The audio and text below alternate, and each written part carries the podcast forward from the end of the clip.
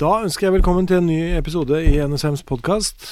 Trond Øfsvold heter jeg. Sitter her som vanlig sammen med Roar Thon. Hei, Roar. Hei sann.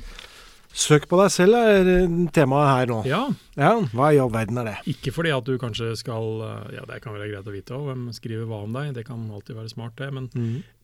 litt sånn Hva er det av informasjon der ute om deg? Mhm.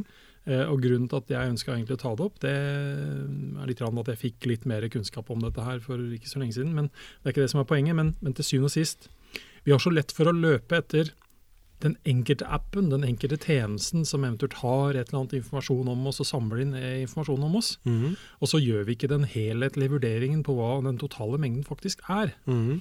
Altså Det blir litt sånn altså døra di, Hoveddøra di står oppe, og mm. alle kan komme seg inn og lese alt det de vil, men mm. du er mer bekymra over det ene vinduet på, i annen etasje, for å si det sånn.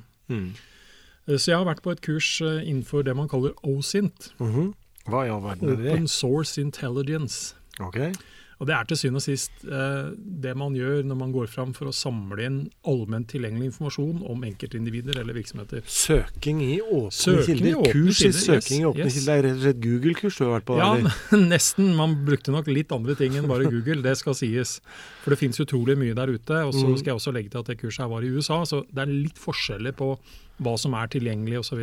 Ja. Men poenget her er at man ikke bryter noen lover og regler når man gjør det. Dette er altså informasjon som er plassert her, er alt ifra myndigheter til bedrifter til personen selv man eventuelt søker etter. Da. ja, Så det er ikke sånn du har fått lov av arbeidsgiver å reise til USA for å søke på Google? Nei, nei, det kan jo være en Det er en forenkla-. Forenkla påstand, ja. Ja. det, ikke sant? Så det var det det sto på reiseregninga. Ja. Eh, Men altså, i offentlige registre, mm. eh, som jo selvsagt i varierende grad eh, tillater all, alle å søke, eh, Mhm. det finnes jo avarter av det òg. Mm. Du og jeg kan sende en SMS Ja. og få vite hvem som eier hvilket bilskilt vi nå har lagt inn. Mm. eh, hva om det er noen heftelse på bilen, og om den er EU-godkjent osv. Så, videre. så Mhm. så det er, liksom, det er jo informasjon fra offentlige registre som er tilgjengelig om oss der. Mhm. Klassiske 1881, gammel opplysningen, hadde også litt informasjon om den enkelte. Ja, men det blir mindre og mindre her. Ja da, altså fra den delen, fordi at uh, vi kanskje bruker dette litt annerledes. Men uh, gjør man et enkelt Google-søk, så, så dukker det jo fort opp om man har næringsinteresser og en rekke forskjellige ting. Og i disse dager så er jo også uh, selvangivelsen kommet opp, og den er jo også til en viss grad søkbar, bortsett fra at nå får alle vite om hvem som har søkt på deg. Ja. Og så er den litt intetsigende, egentlig. da. Sånn, ja, ja. ja, og dessuten så er det jo, det er jo Dette er jo informasjon som eh, hva skal vi si, går av seg selv uten at du merker noe til det. Jo, men, men greia er da, når man da snakker om at man bruker sånne begrep som Mm. OSINT, altså Open Source Intelligence, så handler dette om å sammenstille denne informasjonen. Ja, for det, jeg, blir litt nysgjerrig da. for det, det betyr altså at det finnes noen der ute som er eksperter på å søke strukturert på øh, folk, og som da arrangerer kurs hvor de får folk til å komme og delta på disse kursene, og de lærer også ganske mye av å være på disse kursene, Ja. om hvordan man skaffer seg informasjon om andre i offentlige registre. Ja, ikke bare offentlig, nei, Eller i offentlig, offentlig, offentlig tilgjengelig Ja. informasjon. Ja. Ja. Og det brukes da alt ifra innenfor etterforskningsøyemed. Ja. Så kurset jeg gikk sammen med, jeg var eneste utlending, der var det det jeg kan si er law enforcement, Uh, Ja. altså Lov og orden. Ja. eh, den type ting. Alle har, eh, alle har sånn uh, makulatormaskiner hjemme. Jeg tror noen av de hadde mer enn det. For det er jo veldig en sånn trend, eller har vært i veldig mange år i USA, at man f.eks. kjører posten sin når man er ferdig med å lese den, gamle regninger og all mulig personlig informasjon, så går det gjennom en makulator før det går i returpapirsekken. Ja, er, du har jo bodd der, så du kjenner jo alt det med social security number og Ja, alt det ja, der. alt det der. Man er forsiktig med hva man slipper ut Ja. eh, i søpla. Så, og så kan det brukes til å rett og slett profilere folk. Så det var folk der som brukte dette i en profesjonell forstand for faktisk å drive nærmest eh, sjekk av mennesker før man ansatte de. Ja, for det er bare verdien av å vite noe om andre, det Ja. er det utrolig mange som kan leve av. Ja. Så her var det folk som solgte rapporter om eh, den potensielle nye CEO-en i det og det selskapet, Ja. som da leverte en eh, sånn sett en ganske sensitiv samla rapport om mm. at det ser ut som at han driver med både det og det, og at hobbyen hans er sånn og sånn. Men han hadde ikke fått den jobben hvis man ikke fant noe informasjon om han. Nei, altså hvem vil ansette Viggo Venneløs, da, for å si det på den måten.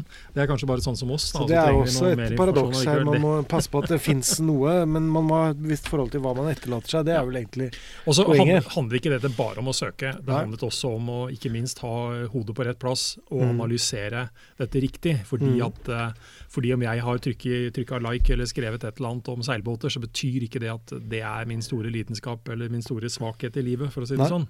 Så det handlet også om å liksom sette denne informasjonen Er- sammen. Ja, Er det riktig informasjon? Beskriver den hele bildet?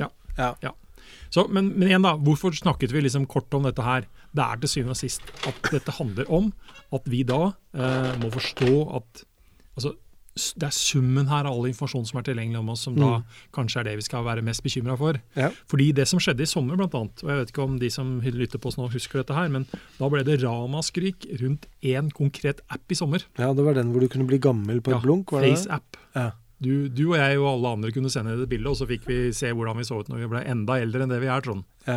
Men det morsomme var at du ble jo ikke Du fikk jo ikke opp ungdomsbildet av deg heller, da, hvis du gikk andre veien. Nei, men det valgte du sjøl. Nei, nei, ja, det er kanskje en ny tjeneste, da. Hvordan? Nei, men dette har vi prøvd, og det Ja, ok. Ja. Jeg lignet ikke. Nei, ok. Nei. Så du har testa den. Ja. Men det var jo da ramaskrik, og nærmest eh, sånn at folk ble idiotforklart hvis jeg hadde brukt denne appen i sommer. Fordi Mm. det var jo, den var jo dritskummel, fordi den var jo russisk. Ja. Og det var skummelt, det.